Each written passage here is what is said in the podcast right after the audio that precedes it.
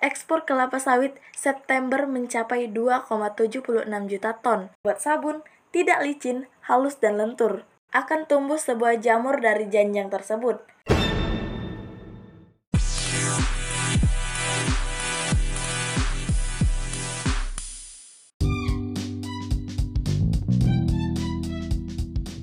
What's up kelapa sawit?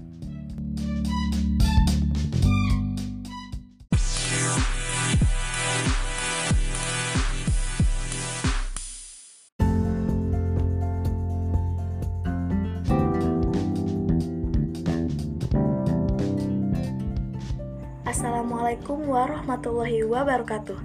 Halo semuanya, bagaimana kabarnya? Semoga semua sehat-sehat aja ya. Oh iya nih ngomong-ngomong, sebelum kalian dengerin lebih lanjut podcast ini Kita kenalan dulu ya. Kenalin aku Sinta, anak dari petani Elais Guinensis Jack. Dan ini adalah podcast perdanaku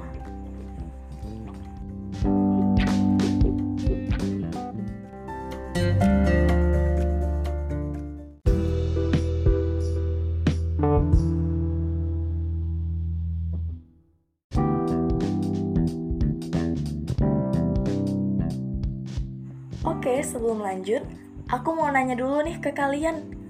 Ada yang tahu apa itu Elais Guinensis Jack gak? Atau contoh dari produk Elais Guinensis Jack itu sendiri? Pastinya kalian udah tahu kan ya? Yap, bener banget. Yaitu kelapa sawit yang terkenal akan julukan si buah emas. Hah? Buah emas? Pohonnya berbuah emas kah? Oh, tentu tidak. Maksud buah emas di sini adalah kelapa sawit sebagai pohon yang memiliki buah yang bernilai ekonomi tinggi. Lah, terus apa hubungannya aku nanya itu sama podcast hari ini? Hubungannya adalah karena pada podcast perdana ini, aku akan ngajak kalian lebih jauh mengenal si Elais Guinensis Jack si kelapa sawit ini, beserta ragam manfaatnya yang tidak diragukan lagi. Nah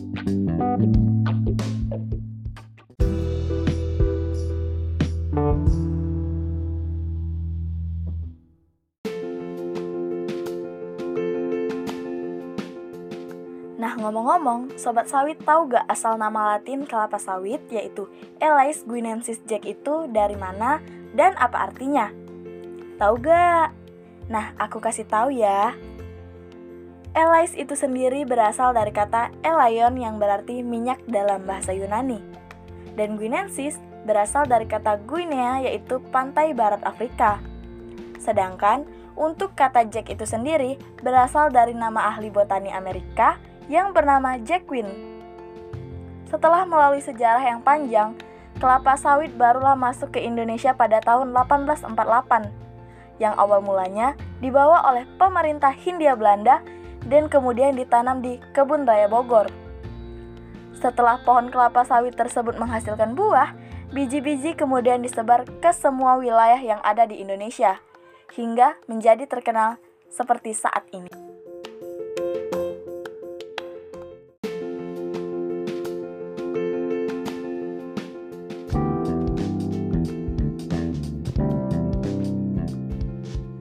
Ya, Elais guinensis jack atau biasa kita kenal dengan kelapa sawit ini adalah tanaman yang cukup terkenal di Indonesia. Bahkan menjadi salah satu komoditas utama dari berbagai daerah yang ada, seperti Riau dan Sumatera Selatan. Alasan mengapa kelapa sawit bisa menjadi komoditas utama dari daerah tersebut adalah karena berdasarkan kesesuaian suhu atau iklim di daerah tersebut dengan pertumbuhan kelapa sawit, di mana kelapa sawit akan tumbuh subur di tempat dengan iklim tropis yang panas, namun memiliki banyak sumber mata air, baik itu sungai maupun danau air tawar. Karena pada dasarnya, perkebunan kelapa sawit akan mampu membuat sebuah sungai kering karena kemampuan akarnya menyerap air yang sangat banyak.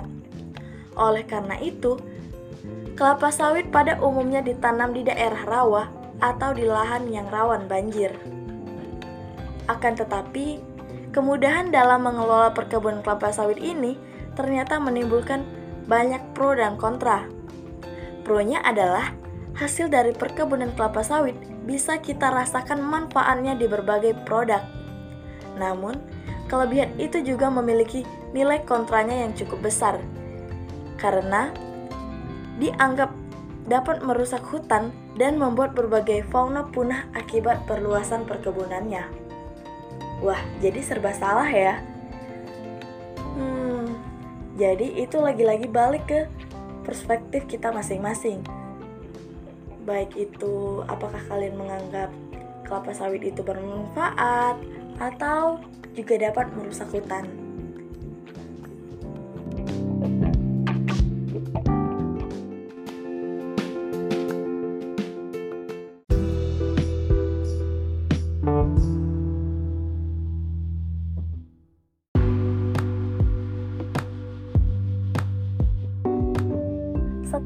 Tadi kita membahas mengenai apa itu kelapa sawit, bagaimana tempat hidupnya, dan sejarah singkatnya, kita lanjut ke pembahasan selanjutnya.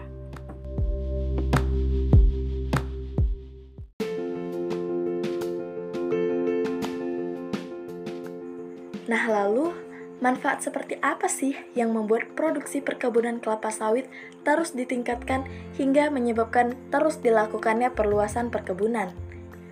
Jadi, faktor utama penyebabnya adalah kelapa sawit ini memiliki nilai ekspor yang tinggi, di mana seperti dilansir dari www.infosawit.com, merujuk laporan Gabungan Pengusaha Kelapa Sawit Indonesia atau GAPKI, secara volume, ekspor kelapa sawit September mencapai 2,76 juta ton, atau terdapat kenaikan sekitar 81.000 ton dari bulan Agustus yang hanya mencapai 2,68 juta ton.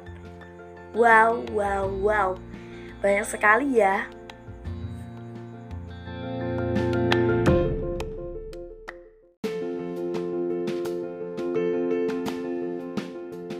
Selain itu, menurut catatan Direktur Eksekutif GAPKI, yaitu Bapak Mukti Sarjono, ekspor ke Cina pada bulan September adalah 645.000 ton, naik dari 618.000 ton pada bulan Agustus. Ekspor ke India pada bulan September mencapai 351.000 ton, tidak berubah semenjak Agustus. Sementara ekspor ke EU dan Pakistan pada bulan September lebih rendah dari bulan Agustus. Kenaikan ekspor minyak sawit asal Indonesia terjadi dengan tujuan Brazil, Malaysia, Rusia, dan Afrika.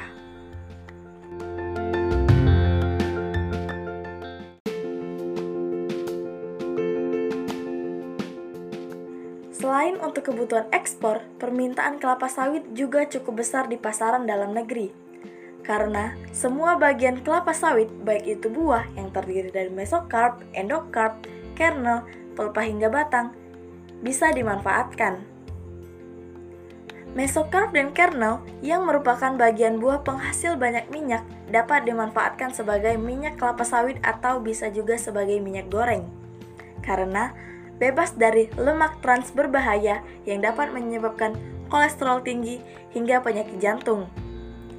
Selain sebagai minyak goreng, Minyak kelapa sawit juga banyak dinikmati sebagai bahan dasar coklat dan selai. Tidak hanya itu, minyak kelapa sawit juga bisa digunakan sebagai bahan baku lipstik karena mempunyai kemampuan menahan warna dan tidak akan meleleh.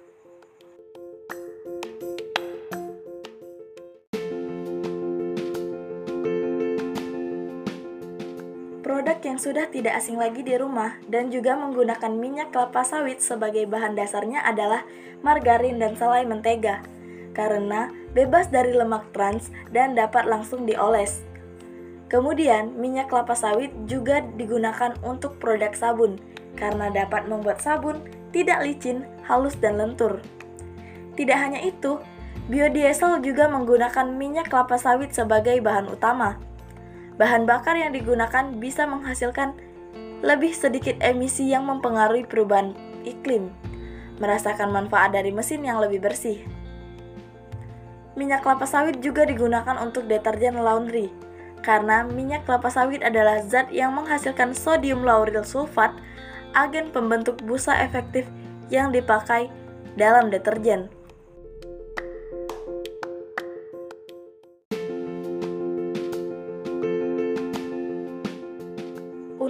Bahan bakar pabrik pengolahannya sendiri, bagian buah yang bisa digunakan adalah endokarp atau bagian tempurung yang dapat membuat nyala api pas merata dan bertahan lama.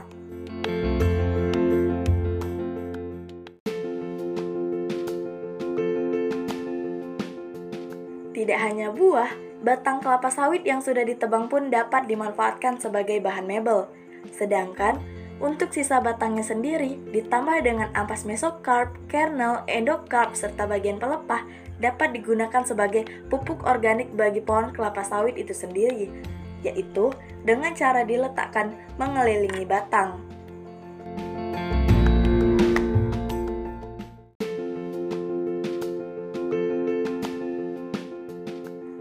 Itu, tandan buah sawit bekas hasil pengolahan yang biasa dikenal dengan nama janjang atau tongkos juga dapat digunakan sebagai pupuk alami dari pohon sawit itu sendiri.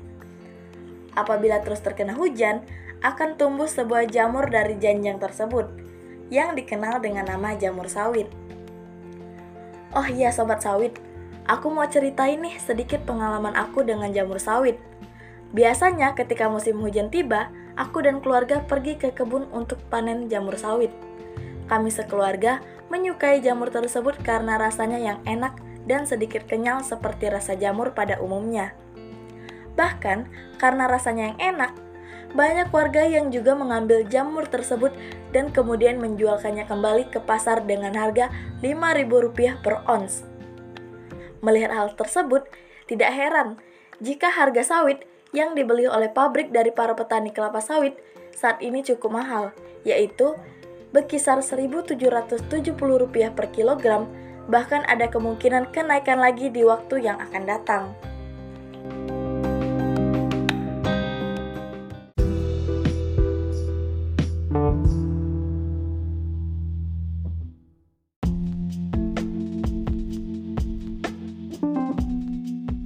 Ya Sobat Sawit, sekian informasi yang bisa aku sampaikan hari ini. Buat kalian yang mau dengerin podcast-podcast aku, kalian bisa akses di Spotify atau di Anchor karena setiap hari Kamis tepatnya jam 2 siang aku akan upload podcast-podcast terbaru aku di situ. Jadi, pantengin terus ya.